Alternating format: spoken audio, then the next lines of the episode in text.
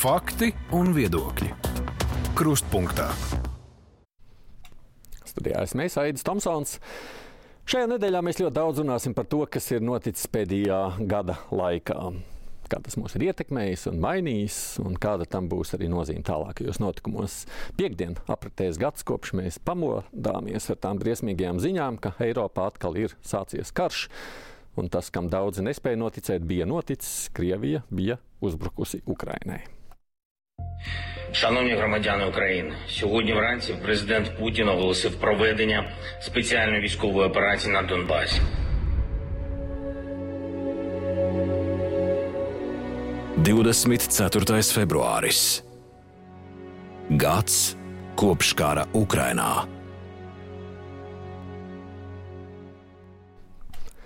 24. februārī visi pieplaka pie saviem ekrāniem, nu, radioaparātiem vai kuriem citiem informācijas nesējiem. Tajā laikā daudz arī viņu iepazina. Cilvēku, par kuru iepriekš Latvijā daudz nebija dzirdējuši. Tā viņa iedrošinošā pārliecība, ka Ukraiņi spēja un ka Ukraiņi aizsargās savu valsti, gandrīz vai nomierināja. Vēlāk gan viņš kādā brīdī atzina, ka pats nemaz tik ļoti pārliecināts par savu teikto nebija, bet tajā brīdī tas bija ļoti vajadzīgs. Un kopš tā laika daudzi viņu ir klausījušies un klausās joprojām. Runa ir par to laiku Ukraiņas prezidenta biroja padomnieku Aleksiju Aristoviču. Šogad gan viņam nācās iesniegt atlūgumu, un viņš prezidenta komandā vairs nav, bet šodien viņš ir krustpunktā pirmdienas lielās intervijas viesis. Pirms es ar viņu sasveicinos, es arī paskaidrošu klausītājiem, ka tā kā mūsu saruna notiek tiešraidē, tad mums nu, nav iespēja nodrošināt cita veida komunikāciju kā vien caur tiešo tulkojumu. Tad mēs esam ne tikai dzirdami, un vēlāk arī būsim redzami Latvijas televīzijā, bet nu, mūsu tiešraidē šobrīd rāda arī portāls LSM, tāpat kā Latvijas radio viens mājaslapa, mūsu Facebook konts. Bet tiem, kas prot krievu valodu, būs iespēja noklausīties sarunu arī oriģinālu valodā. Audio skaņa mājaslapā, lietotnē un podkāstos būšot jau dažas minūtes pēc ētera. Video savukārt ar skaņu apmēram pusstundas laikā mums sola Latvijas radio mājaslapā un arī Latvijas radio YouTube kanālā. Tātad tie, kas nu, prot krievu valodu, šo var izmantot un tad pēc raidījuma savukārt klausīties oriģinālā. Nu, pārējie pieņemiet šobrīd situācию tādu, kāda tā ir. Es saku arī paldies Aigai Veckalnei, kas palīdzēs mums saprast to, ko es runāju. Он испарил с криеволод. Господин Арестович, добрый день. Спасибо, добрый день. что нашли возможность присоединиться к нашему эфиру. Президент США Джо Байден прибыл сегодня к вам в Киев. Вы знали об этом, что он будет? Ну, скажем так, с вероятностью 85%. Но точно это узнали только сегодня, да?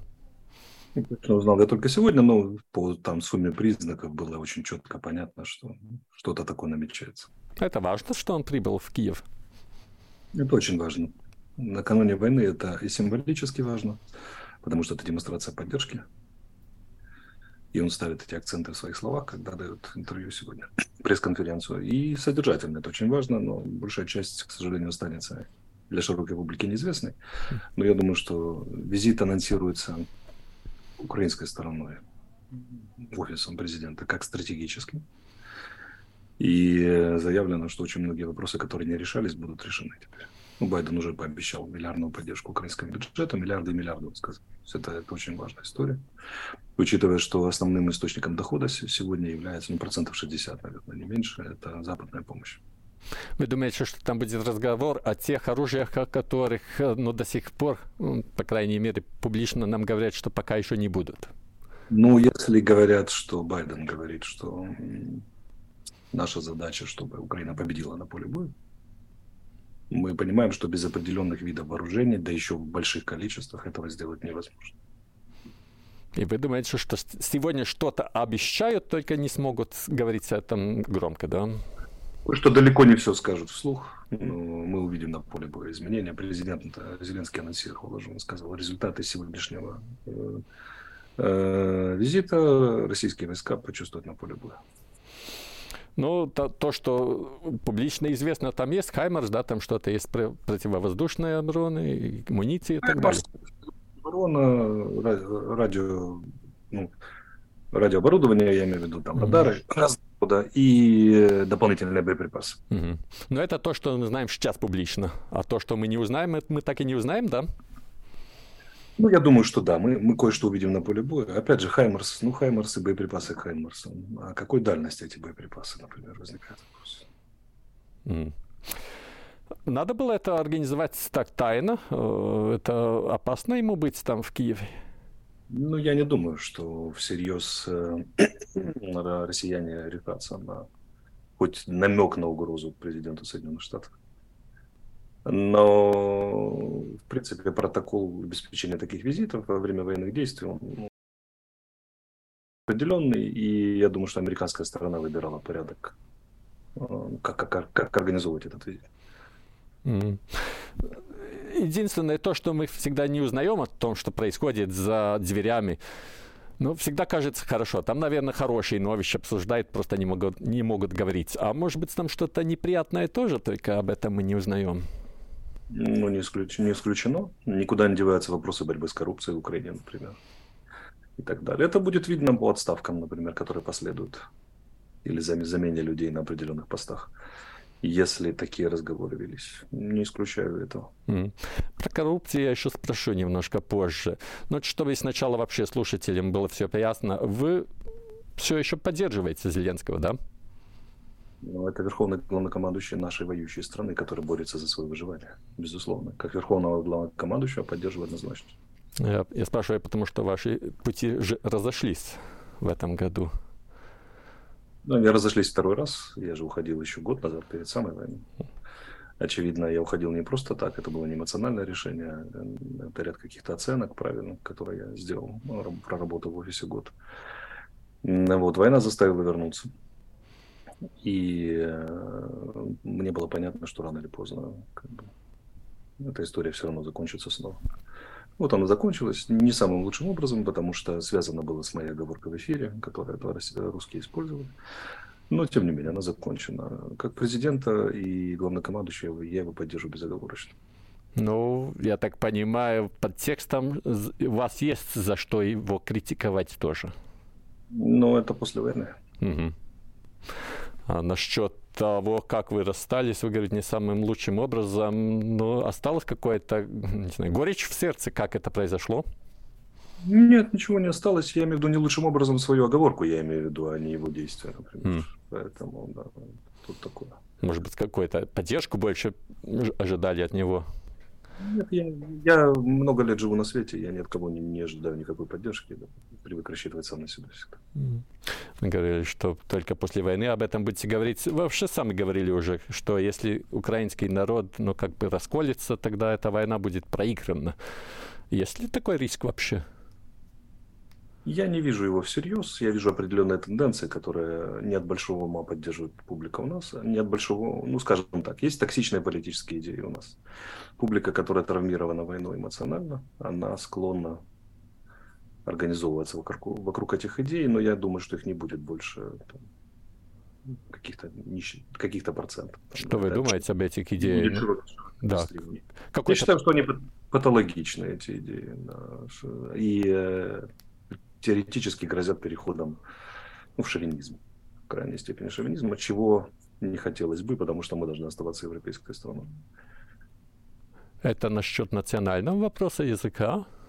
Ну, насчет, ну, понимаете, любой человек поддерживает национальную, свою, свою нацию, поддерживает язык нации. Но когда это переходит в крайний шовинизм в стиле, ну вот, например, давайте запретим, давайте, значит, э, обструкции подвергнем всех тех, кто до сих пор разговаривает на русском языке. Так у нас полфронта разговаривает на русском языке.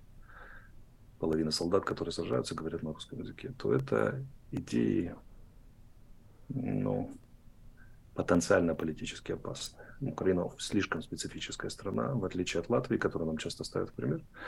Мы не можем себе позволить таких резких движений, все должно быть мягко и аккуратно, потому что эта война, она война за метаисторическую рамку. Путин ее обосновал как войну за метаисторические смыслы в своем выступлении без, накануне вторжения. И э, надо понимать, что Латвия не конкурирует с Москвой за первородство за историю Руси. а мы конкурируем. Это очень сложная, непростая история, где очень много обмана, очень много исторических искажений, которыми пользуется Кремль, он поднял их на флаг. А, вот. А, и которые, и люди, которые реагируют на это все так болезненно у нас, и делают это политическими идеями, они же с точки зрения психологии находятся то, что называется в контрзависимых отношениях. То есть их поведение полностью диктуется Москвой. Мы проходили это в 2018 году, когда Гетман Скоропадский предложил широкий украинский проект. А Винниченко и Петлюра пошли этим путем, и через два месяца после того, как они сняли Скоропадского, они проиграли большевикам. Потому что Украина в режиме моно, моноэтнического государства, по моему глубокому убеждению, обречена на поражение в, конкур- в конкуренции с Россией. А Украина как широкий проект, как некие такие Соединенные Штаты Украины, условно говоря, да, открытое общество, общество, которое толерантно, общество, которое думает больше об эффективности, чем об исторических травмах, вот такая Украина успех имеет, в том числе в прямой конкуренции с Россией, культурной, политической, международной и так далее. Я сторонник Украины Скоропадского, Украины широкого проекта. Но я, бы, я думаю, что в Латвии то, что вы говорите, тоже многим было бы неприятно или неприемлемо, потому что в Латвии тоже после вот войны в Украине этот вопрос национальный язык стал очень острым, и тоже многие стараются ну, делать все, чтобы русского языка искоренить из публичной дело, сферы. Дело не в русском языке. Дело не в русском языке, а в свободах. Украина – центральная национальная идея, с которой, которая вот, проявилась за время этой войны. Мы бьемся за свободу. И дело не в русском, китайском, там, суахили и так далее. Дело в, безусловно, украинский это государственный язык, он должен доминировать. Украинскому должна быть максимальная поддержка оказана каждому гражданину и каждому и государству в целом. Э, но я сторонник формулы украинскому поддержка, а всем остальным свобода. 56 национальностей живет в Украине. И если мы начинаем насильственную смену самоидентификации людям, это очень тяжелый, неблагодарный и бесперспективный путь и опасный, с моей точки зрения. Mm. До сих пор, ты за 31 год, любой подъем всерьез на флаг этих политических идей приводил только к расколу в Украине. Никаких других результатов мы не видели. Наша задача – объединять нацию объединять всех тех, кто сегодня венгры сражаются на фронте, крымские татары, азербайджанцы, русских очень много, этнических русских, украинцев. И не, не, украиноязыч... не русскоязычных украинцев по национальности, а именно этнических русских э, и так далее. И одни из самых завзятых бойцов э, в вооруженных силах Украины, силах обороны, это выходцы как раз с Донбасса. Они это знают, что такое русский мир не понаслышке. Они борются с ним всерьез, оставаясь этническими русскими, например, русскоговорящими э, украинцами. Поэтому моя центральная идея – это идея того, что все, что способствует объединению Украины, это хорошо. Все, что способствует расколу, это плохо. Крайне шовинистические позиции или лозунги до сих пор работали только на раскол. И эта практика 31 года, это не измышление отдельно взятого Алексея Вестовича. Нам нужна очень мудрая, осторожная национальная политика, очень тонкая хирургическая работа самоидентификации. Безусловно, общая национальная идентификация должна быть украинец, украинский язык, как объединяющая украинская культура. Но, допустим, региональная самоидентификация или индивидуальная самоидентификация, нужно ли вторгаться в эту частную приватную сферу, учитывая, что ставка людей на свободу, основная, на свободу самовыражения, я, я думаю, это было бы большой ошибкой. Ну, еще один вопрос насчет этого. Вы упомянули венгров, но многие говорят, что а, отношения Венгрии сейчас насчет Украины во многом тоже ну, прячется в истории. И что это тоже надо ну, преодолеть. Вы согласны? У нас в Венгрии прекрасные отношения. У, у, у нас есть ну, как, скажем так, вот у нас не скажу, у меня лично скажу. У меня есть личное горькое недоумение по поводу позиции э, премьер-министра, некоторых аспектов позиции премьер-министра Венгрии и его политической силы. Ну, откровенное заигрывание с Москвой, а, антиукраинские заявления, нежелание участвовать в наложении санкций, там, да, и так далее, которое нежелание, нежелание и даже прямые действия поперек коллективных решений НАТО и ЕС в пользу Москвы, это вызывает недоумение.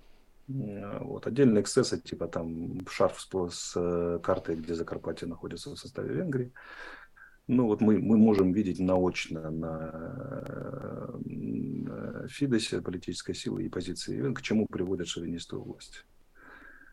Э, дело в том, что он, он же как раз партия работает в этом спектре, по крайней мере, публично, идеологически.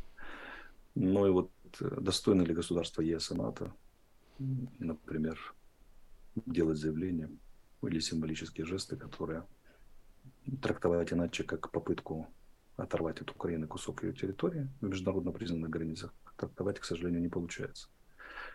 Ведь шовинизм – это очень опасная вещь. Он начинается с защиты родного языка, родной культуры, а очень быстро, через несколько шагов, становится желанием задавить чужой язык, чужую культуру или, или претендовать на, на чужую территорию. И э, господин Орбан, он как раз есть прямое доказательство того, как это бывает. Мы и так вызываем достаточно опасений у потенциальных у ЕС и НАТО надгосударственных образований, куда мы декларировали вступление в своей конституции, для того, чтобы осложнять это еще и под, под, подобными возможными политическими идеями. Вот для нас позиция премьер-министра Венгрии, его политической силы, наглядный эксперимент, что будет, если мы будем поощрять эти тенденции, во что мы можем превратиться. Mm. Я бы этого не хотел для своих вы уже упомянули коррупцию и те тоже последние скандалы, которые сейчас а, мы знаем, слышали об этих, они тоже не, являют, ну, не могут быть как-то, ну, проявлять больше раскола в обществе э, или, ну, противников против власти в Киеве. Понимаете, тут вопрос в личной ответственности, в ответственности конкретных политических сил. Ясно, что власть наша делает ошибки, иногда крупные ошибки. Как любой, любой человек и любая власть в любой ситуации. Но на чем мы должны сосредоточиться во время войны? На внутриполитической борьбе или на том, чтобы объединиться и э, победить внешнего врага, который хочет нас уничтожить? Сначала, мне кажется, надо решать вторую задачу, потому что наша победа далеко еще не очевидна еще 330 тысяч российских войск на нашем, на нашем внутреннем фронте, 150 вокруг.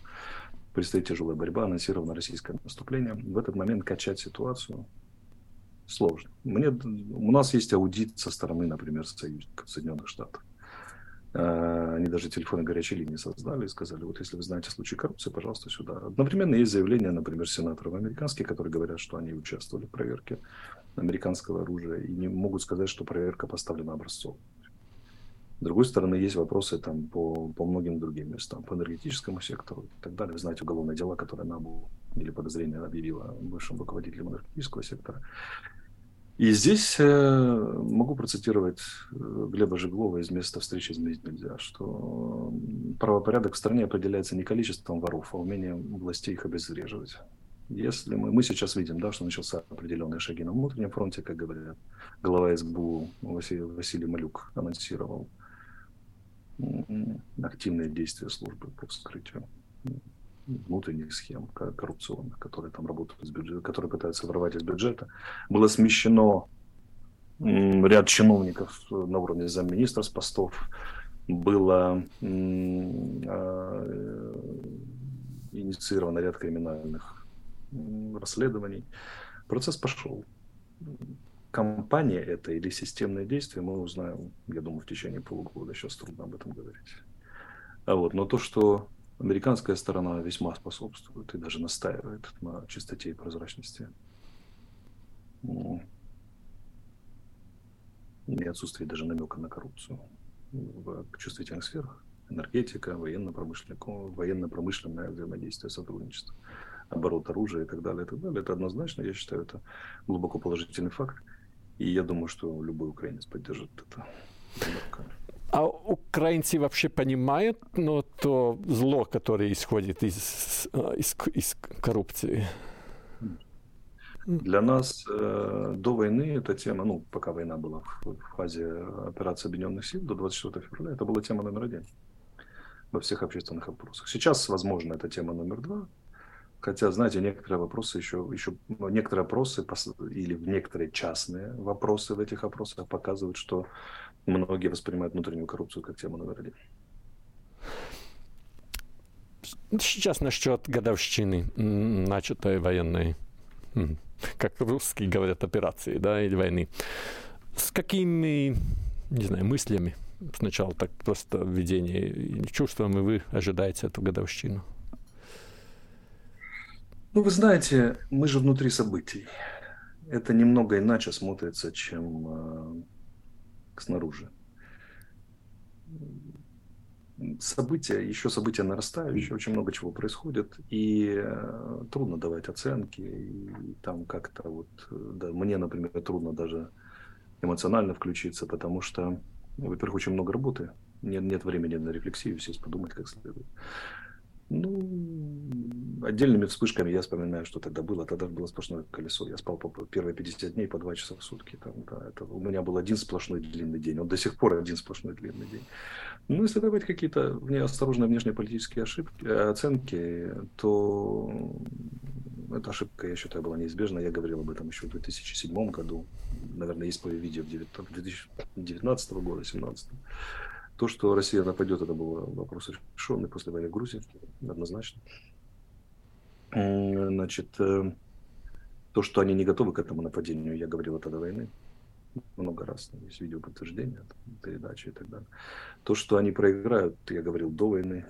То, что они совершенно неадекватно оценивают свои силы и недооценивают нашу решимость Запада, понятно. Но меня, меня удивила реакция Запада. Я думал, что она будет более сдержанной. И нам придется один на один все делать. То есть то, что Запад так широко пошел навстречу и в течение года пробежал дистанцию, например, отзнаменовавшуюся полной сменой позиции Франции и Германии в отношении Кремля и в отношении лично Путина.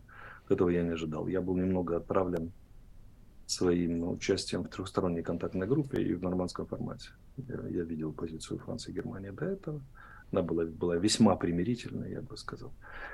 И, конечно, такой поддержки я не ожидал. Но видите, э, российские военные действия, которые превратились в цепь военных преступлений в Украине, как политик, как э, просто направление политики. Более 40 тысяч уголовных дел расследует Генеральная прокуратура против российских военных.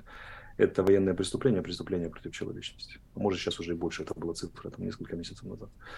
Но мы понимаем, что это, это государственная политика. Когда Путин при 64-й бригаде мотострелковой дает звание гвардейской за преступление, которое она совершила в Буче, мы же понимаем, что это государственная политика, а не эксцессы на уровне солдат. И вот это абсолютно брутальная. Все Макрон сказал вчера, выступая на Мюнхенской конференции. Он сказал, что по безопасности. Он сказал, что первое, постоянный член Совета Безопасности ООН нарушил устав ООН и последовательно нарушает. Второе, они абсолютно недоговороспособны, невменяемые просто. Нарушают все правила, принятые в международном, в международном сообществе, значит, с ними не выполняют обещания и договоренности, и с ними невозможно иметь дело. Они выбрали эту дорогу. И третья война – это цепь военных преступлений. Не говоря уже о том, что она преступна сама по себе, это еще и она и ведется как цепь военных преступлений. Этого было оказалось достаточно, чтобы цивилизованный мир, коллективный Запад сменил радикальное отношение к этой войне. И даже Китай, на поддержку которого так рассчитывал Москва, он тоже говорит, что он всегда поддерживал территориальную целостность Украины, что он против ядерной войны, что он готовит мирные инициативы, которые будут анонсированы в конце февраля. Но судя по, по количеству государств, которые намерены поддержать на Генассамблее 24 числа предложение президента Зеленского о новой схеме глобальной безопасности, мир еще и констатирует, что прежняя система безопасности, Ялтинско-Потсдамская, так называемая, разрушена. Разрушена в одностороннем порядке России. Нарушен Хельсинский договор 1975 года о нерушимости границ в Европе. И э, это все будет иметь меры. Никто не будет сидеть сложа, сложа руки и ожидать, что как бы кто-то бить посуду, как словом посудной лавки, не считаясь интересами и убивая людей десятками тысяч в центре Европы. Да. Ну, упомянут, упомянутый Макрон также сказал, что это все, что вы говорили, но то, что разрушить Россию нельзя. Согласен? Э, я думаю, что это...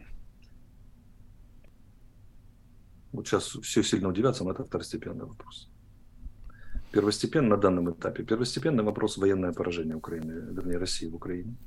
Второе, э, должны, военные преступники должны ответить за свои преступления, включая Путина, которого, знаете, для меня решающим показателем был, когда суд Гаги обвинил Путина в э, причастности к катастрофе рейса MH17. Каддафи тоже не сразу сделали главным виновным. С ним долго, долго говорили. И вообще у меня ощущение, что где-то в ноябре-декабре произошел ряд закулисных переговоров, таких встреч, контактов. Не пере, как переговорами, может быть, их нельзя назвать, но консультации двусторонних где Запад предложил Путину взяться за ум и это отработать назад. А он уперся и сказал, нет, нет, мы будем биться до конца, наступление и так далее. Ну, его квалифицировали как невменяемого, и сменилась политика радикальная. Это очень хорошо видно. И в отношении него. И на Западе есть разные точки зрения. У нас есть разные точки зрения. Они говорят, ну давайте уже добивать гадину, разваливать Россию. Другие говорят, да подождите. Ну, на самом деле, реально, точками контроля является что? Контроль над ядерным оружием, например, да? Второе, например, э, отсутствие гражданской войны в России широкой, в которой могло бы, э, могла применяться это самое ядерное оружие. Третье, там судьба, например,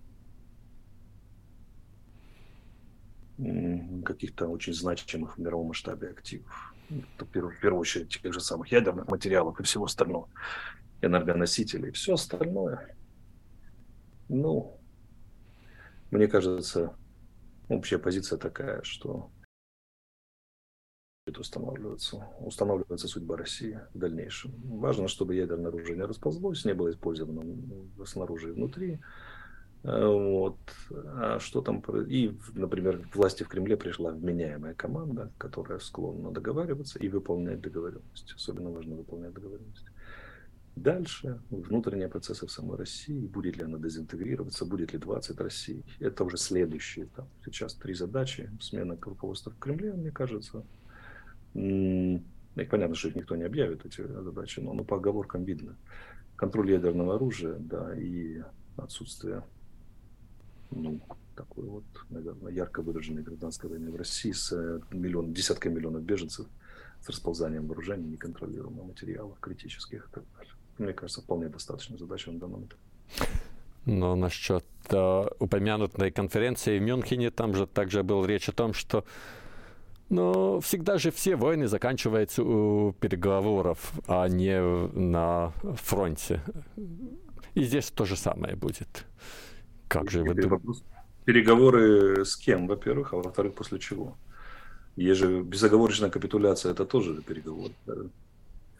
Кейтельджеш или кто там выходили на переговоры с союзниками, да, и говорили о, безоговор... о порядке безоговорочной капитуляции.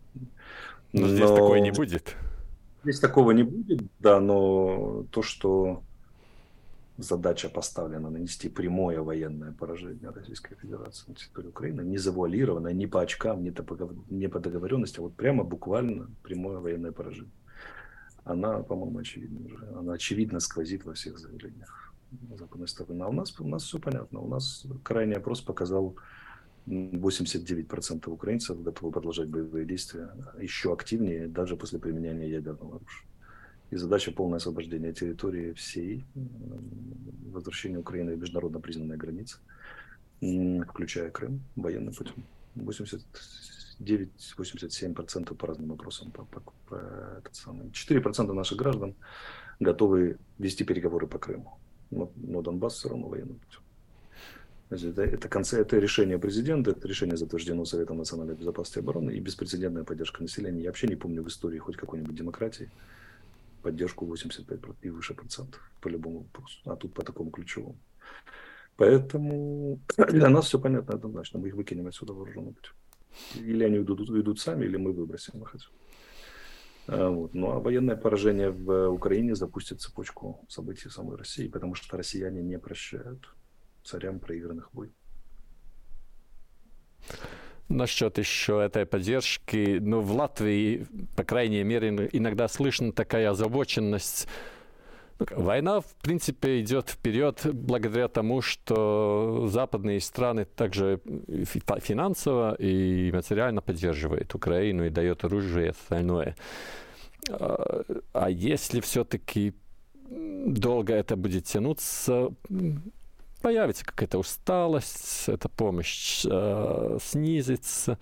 И тогда ну, вот наступит такая вот такая, не знаю, трудная не ситуация. Думаю, я не думаю, что нам грозит усталость или снижение помощи. Дело в том, что для очень многих политиков на Западе война в Украине, их отношения с президентом Зеленским, с другими официальными лицами стала историей личного успеха. И в Соединенных выборы в Соединенных Штатах, в Украине и в России в 2024 году. Ну, вот как минимум до этого момента можно не бояться ослабления поддержки, я уверен, на 101%. А во-вторых, э, ну, надо понимать, что Россия не вытянет такую длинную войну. Они уже сейчас попытались наступать.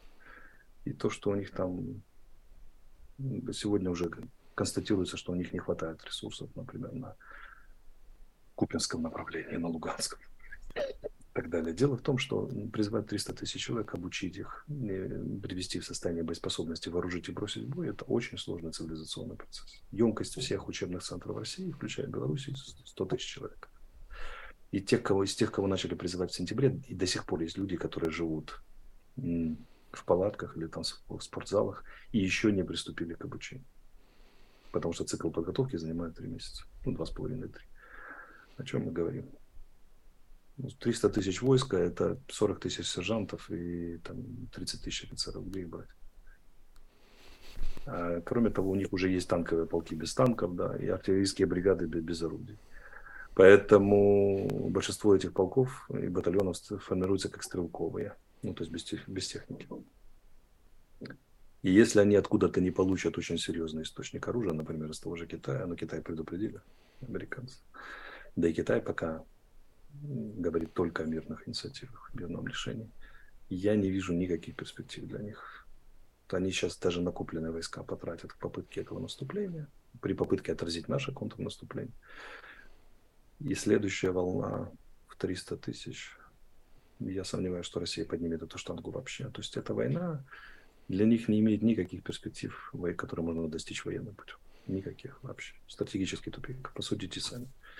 Они начали штурм Солидара и Бахмута 2 августа прошлого года.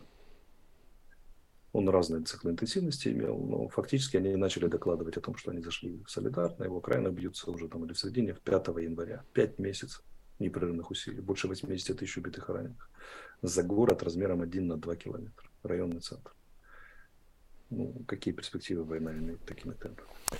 Но э, насчет этого, конечно, если мы смотрим сейчас на ситуацию в войне, вообще кажется, ну, вроде сейчас все почти остановилось. Ну, там десятки метров в одну сторону, в другую сторону, там все время борется. Ну, ничего вроде не происходит, и ну, такое чувство, ну, также можно долго, наверное, одна или вторая сторона. На Мюнхенск, Мюнхенском конференции Шолжига сказал, по-моему, это длинная война будет. Зеленский говорил, короткая война.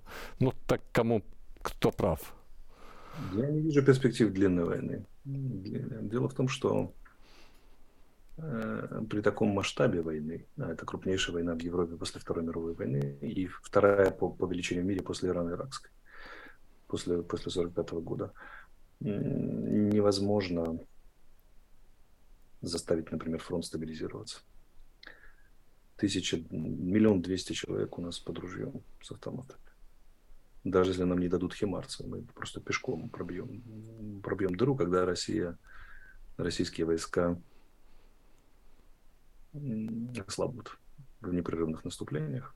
Они же имеют политическую задачу выйти на границы Донецкой области. Я так понимаю, Путину хочется зафиксироваться и объявить э, российскому народу о победе. Что вот мы собирались же охранять Донбасс, но вот мы его защитили. Э, вот. Но эта задача не будет решена. Они не могут взять Бахмут до сих пор. А за Бахмутом еще пять крупных городов размером побольше Бахмута. Константиновка, Душковка, Славянск, Краматорск. Это абсолютно нереально. Теми силами, которые у них есть. Если бы у них где-то сейчас взялось полтора миллиона войска вооруженного, да, они имели бы перспективу. Но их нету, негде взять совершенно, нечем вооружить, и они не имеют способа организовать. Поэтому, понимаете, российская армия никогда уже не будет более сильной, чем она была в июне прошлого года. Это был пик ее боеспособности. У них э, проблемы с боеприпасами, у них проблемы со стволами, проблемы с вооружением, техникой и так далее. А с кадровым составом, который умеет воевать. Потому что резервистов как не готовь, они остаются мобилизованными, которые не очень хорошо воюют. И вот они сейчас в боях, и мы видим, как они воюют. Вот эти подготовленные, которые три месяца готовились. А мы каждый день становимся сильнее. Медленнее, чем нам хотелось бы, но сильнее. И если мы перемололи и положили здесь в Чернозем их элитные части, которые были частями вторжения, армия постоянного состава, контрактники, ну, о чем можно говорить по поводу там, всех этих мобилизованных, которые должны решить задачи, которые не смогла решить кадровая российская армия в начале конфликта, которая была сильнее украинской, количественное количество в начале конфликта. Это все наоборот. Скептики говорят, ну да, Арестович все время, уже с начала войны, все время так оптимистич, оптимистически смотрит на все это. И да-да, все время только видит, все будет хорошо, все будет закончиться супер, но русские тоже учатся, наверное, от ошибок уже. То, что делали, уже не делает. Но если все время говорить, что все время будет хорошо и не видеть это, ну, вторую сторону, что, ну, может быть, не стоит всегда доверять то, что говорит Арестович. Не доверяю, я же никого не заставляю доверять. Я высказываю свое мнение, я его высказывал. Это мнение мое не меняется, ну, даже официально с 2008 года, когда есть первое видео, где я предсказываю захват Крыма. Я не делаю, я никого не стремлюсь специально успокоить, я не начал говорить это 24 февраля прошлого года год назад, я всегда это говорил, потому что я знаю, кто они такие, чего они могут и чего они не могут. Так вот, задача захвата Украины была с самого начала нереальной для них. У них был один вариант, согласно которому они могли нам нанести тяжелое поражение, которое привело бы к политическим следствиям определенным. Но даже тогда они не могли захватить всю Украину и даже левобережную Украину. Все. А теперь тем более не смогут. Не бывает такого, такого что экономика страны, у которой полтора процента мирового ВВП, может выиграть у страны, которая поддерживает 60% мирового ВВП. Не бывает. Это технически невозможно. Насчет это долгая или, или близкая, или скорая победа, ну, сегодня также западные медиа сообщают, что, например, к, к весне, когда все ожидают украинское э, контрнаступление, Украина получит только четверть от обещанного этого а, а, оборудования, которое Запад обещал, и что это так, ну, слишком медленно, поэтому это будет затягиваться. Я могу вам сказать, что, во-первых, далеко не все, как они считают, далеко не все из того, что поступает, оказывается известным в открытую. Во-вторых, ну, мы с чем-то воюем сейчас, правильно? Ну, сейчас все вроде стоит на, почти на месте, как мы говорили. Хочется же поворот. Идут тяжелые, идут тяжелые бои за Бахмут. Да. Тяжелые бои за Бахмут. Оборона для чего нужна? Она нужна для того, чтобы лишить противника способности наступать. Посмотрите, внутренний фронт 1300 километров. Единственное, где россияне могут наступать, ну, это вот полоса шириной 80 километров под Бахмутом, более-менее, даже чуть меньше. Это сосредоточив все самое, что лучшее, что у них есть, авиацию, артиллерию, танки и там штурмовую пехоту в виде того же Вагнера. У них свои процессы происходят. Вагнер ослабевает, потому что вся, весь успех Вагнера был это способность гнать зэков под угрозой расстрела, просто гнать вперед. Вот. Э, их э, мобилизованные части показывают очень низкую боеспособность. Мы видели это под Угледаром, да, где мы их покрошили просто в ноль. И, эм, и видим сейчас. Ну да, они давят. На отдельных направлениях они сосредоточили артиллерию. Ну вот из-под Бахмута позавчера вывели артиллерийскую бригаду, российскую артиллерийский полк по причине потерь несовместимых с э, нормальной жизнедеятельностью, как они написали. Не все так однозначно. Происходит масса скрытых процессов, но вы поймите, война, которая ценой десятков тысяч убитых и раненых, и продвижение, грубо говоря, на каждые 10 метров они оставляют 2000 продвижения, 2000 убитых и раненых, она не имеет никакой перспективы. И ладно бы они могли делать это на нескольких участках, они делают это вокруг одного города, который они не в состоянии взять. Бахмут – это районный центр, это достаточно небольшой город, 90 тысяч. По нашим меркам это очень маленький. Краматорск, Славянск намного больше. Ну вот, Ну, посмотрим. Ну, понимаете, все эти сомнения, они еще с чем связаны, что мы пока не наступаем. Но как только будет наше контрнаступление, контрудар. Будет? Я думаю, да, будет, конечно. Я думаю, что настроение изменится снова в пользу, в пользу украинской перспективы, перспективы нашей победы. Когда будет? Ну, когда никто не скажет, но будет обязательно. Я думаю, будет раньше, чем все ожидают. Э, сегодня слушал также в настоящее время, там американский генерал Бен Ходжес сказал, что в интервью э, каналу, что украинцам сначала надо возвращать себе Крым, и тогда уже ситуация на Донбассе тоже поменяется. Что говорится об этом? Ну, военные решат, когда и как. Оставим это генеральному штабу, военным и так далее. Я с Беном Ходжесом лично знаком и знаю его мысли по поводу, официальные, неофициальные. Он говорит, как очень профессиональный военный экстракласс. Совершенно очевидно, что если мы бьем на, на Мелитополь и на Крым, обрушивается весь Южный фронт от э, Мариуполя до Херсона или от Херсона до Мариуполя. И россияне получают еще тяжелейшее моральное поражение, потому что выход украинских войск на границу с Крымом и начало работы по Крыму, например, дальним вооружением, авиацией и так далее, это же бегство, исход из Крыма тысяч людей, это будет похоже на бегство. Крым это жемчужина в, в короне Путина, главный его успех за 22 года правления. И это моральная катастрофа, прежде всего, после которой Россия крепко зашатается изнутри. Ну, а взятие Донбасса в первую очередь, ну да, они, народ скажет, да там 8 лет идет война, дело такое, вот Крым. Помните эффект от подрыва Крымского моста? Mm-hmm. Давайте просчитать, попробуем просчитать моральный и политический эффект, внутриполитический в России от тотального повального бегства людей из Крыма. Мы не будем бить по гражданским, понятное дело, но подрывы стратегических складов, аэродромов, там удары по, по военным базам, утопление кораблей, я думаю, хватит гражданским для того, чтобы они приняли решение об эвакуации. А это будет выглядеть эпическим поражением. Ну, это очень сильно поднимет ставки Украины, реноме, и очень сильно опустит путинские ставки. Поэтому, конечно, хуже здесь бесконечно. Можно еще один вопрос, думая о следующем. Ну, те территории, которые уже достаточно давно, хотя бы 8-9 лет уже под а, оккупацией России, но у меня такое чувство, что там уже людям многим промытые мозги. А, и, и там вас особенно, кажется, никто, может, нельзя сказать никто, но многие не ждут. Как вы думаете, как... мы и возвращаемся к началу нашей беседы. Если мы туда зайдем с шовинистическими лозунгами и идеями, как вы думаете, это будет способствовать интеграции этих территорий? Поэтому есть желание превратить эмоциональные исторические травмы в политические идеи, а есть стратегическое планирование. Я сторонник второго все-таки. Стратегическое планирование, оно всегда должно быть идти по принципу дальнего расчета и по принципу не навреди, очень осторожные ходы.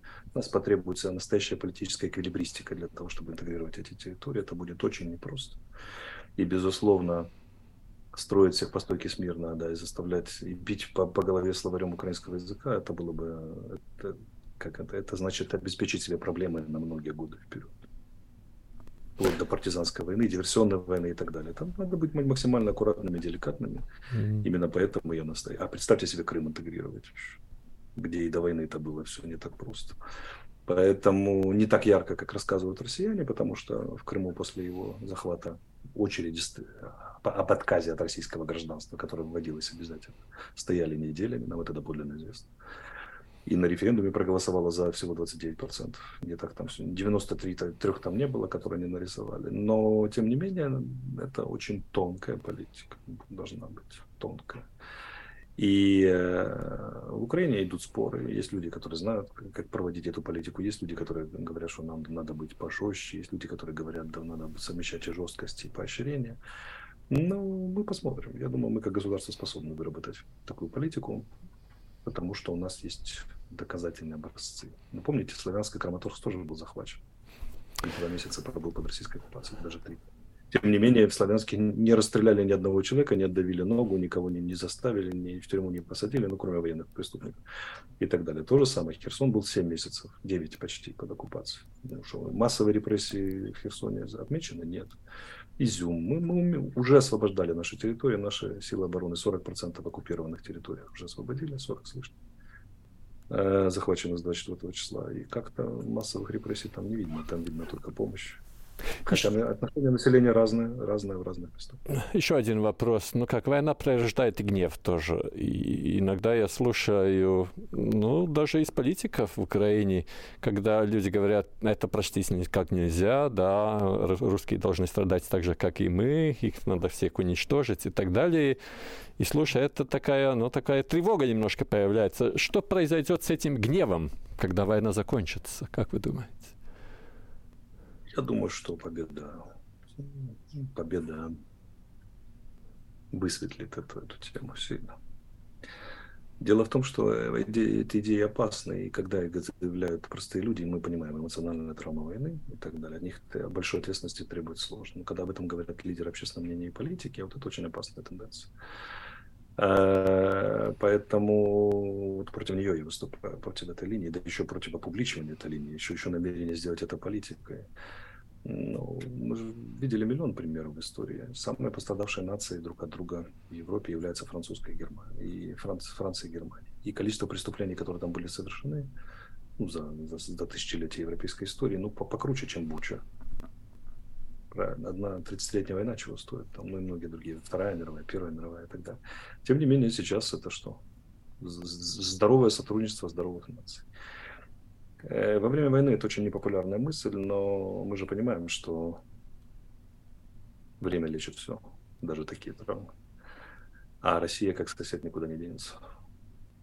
Ну, никуда она не денется. Она все равно будет в том или ином виде, она будет в наших границах. Больше 10 миллионов граждан Украины имеют родственников в России. Э, я уже не говорю о глубокой исторических завязок, которые существовал и так далее. Поэтому рано или поздно, если в России придет вменяемое правительство, рано или поздно мы и восстановим и эти связи, и отношения восстановим, и так далее. Просто это требуется время и требуется очень тонкая, адекватная политика. Условием этой, условием утоления украинского гнева является выдача военных преступников, конечно, в первую очередь. Оно является четырьмя условиями, которые мы заявили как наше военно-политическое руководство, заявило как условия мирных переговоров ни одного российского солдата на нашей территории, включая Крым, выдача военных преступников, э, репарации и отсутствие Путина. Я вам скажу, что если Россия пойдет на эти условия, а куда она денется, рано или поздно пойдет, это не самая, не самая тяжелая цена за, за такое преступление, которое они совершили и совершают. Никто не как вы видите, здесь нет э, условия коллективного наказания россиян или, или там э, претензий на российскую территорию или что, что-то такое. Есть просто условия справедливости. Преступление должно быть наказано, преступники должны быть выданы, осуждены, репарации за разрушение должны быть направлены, компенсации, да. Ну и мы не будем говорить с главным военным преступником, которого зовут Путин. Тут все понятно. А дальше все зависит от степени вменяемости российского руководства, адекватности нового, который придет на смену. Mm-hmm. Немножко еще в конце насчет вас, э, когда вы должны были покинуть э, ну, команду президента, это то, что там вы сказали насчет э, ну, вашего этого, ну, то, что вы сказали, это была ошибка, да, из-за чего вы должны были потом отступить? Ну, паркете в Днепре. Это была грубая ошибка моя информационная, но как бы когда стал вопрос о том, что ну вот что должен делать чиновник, пусть хотя я был вне штата, но тем не менее чиновник после серьезной ошибки.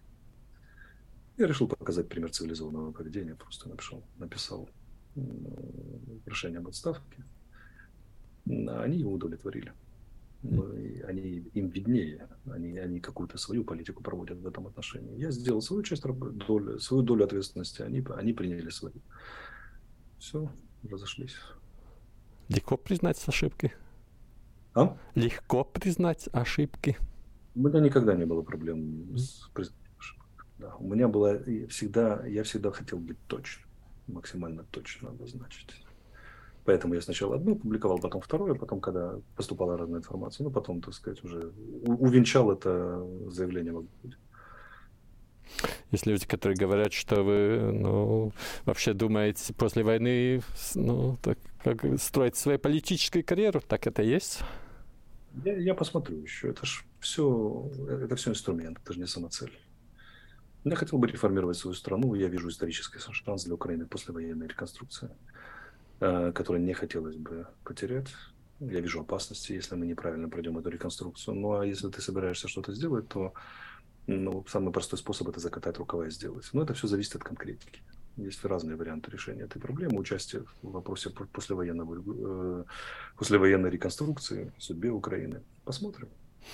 Я вообще достаточно свободолюбивый человек, так что мне, мне не очень, честно говоря, хочется чиновники с галстуком, да, поэтому пока я веду свою войну на информационно-психологическом фронте, и говорят, неплохо получается. Ну, в, том, в любом случае, то, что вы были в команде президента, и все вас слушали из-за этого тоже, конечно, это же давало свои бонусы или плюсы, конечно, наверное. Безусловно. Ну, сейчас тоже осталось, осталось слушать. Э, передачи, например, с тем же Фейгином, это основная площадка, ну, по крайней мере, по охвату. Их просмотра меньше не стало, наоборот, они растут. Поэтому медленно но растут, так что в каком-то смысле. Как вы думаете, будет еще вторая годовщина, когда мы еще будем говорить, еще идет война? Думаю, нет. Нет? По крайней мере, такой войны точно не будет. В каком-то из э, неблагоприятных сценариев возможно что-то типа заморозки фронта, то, что Россия удерживает какие-то остатки территории, там стационарный фронт с перестрелками, что-то, что-то было, как было с 16 по 22 год. Один, ну, при определенных обстоятельствах возможно. Но, честно говоря, я в это не верю. Потому что тогда мы не сносили все это захваченное по одной простой причине. Не хотели провоцировать большую войну.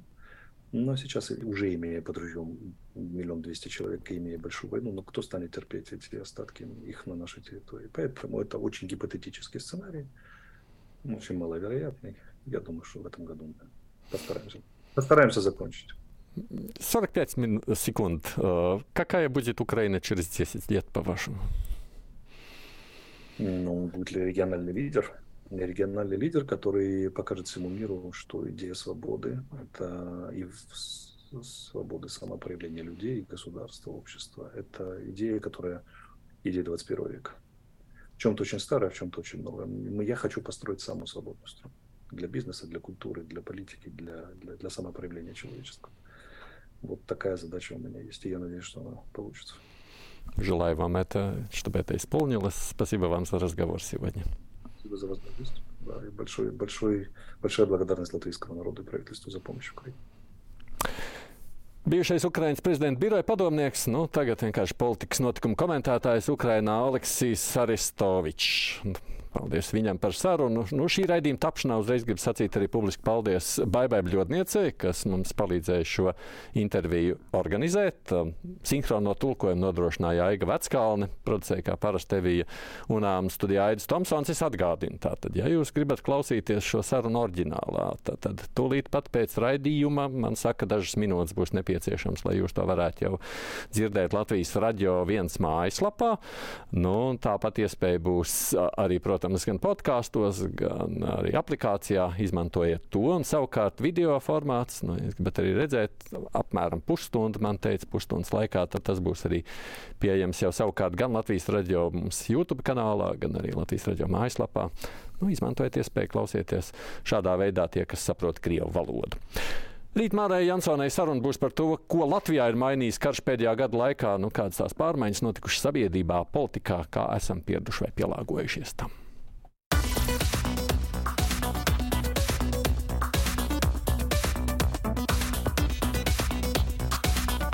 Fakti un viedokļi. Krustpunktā.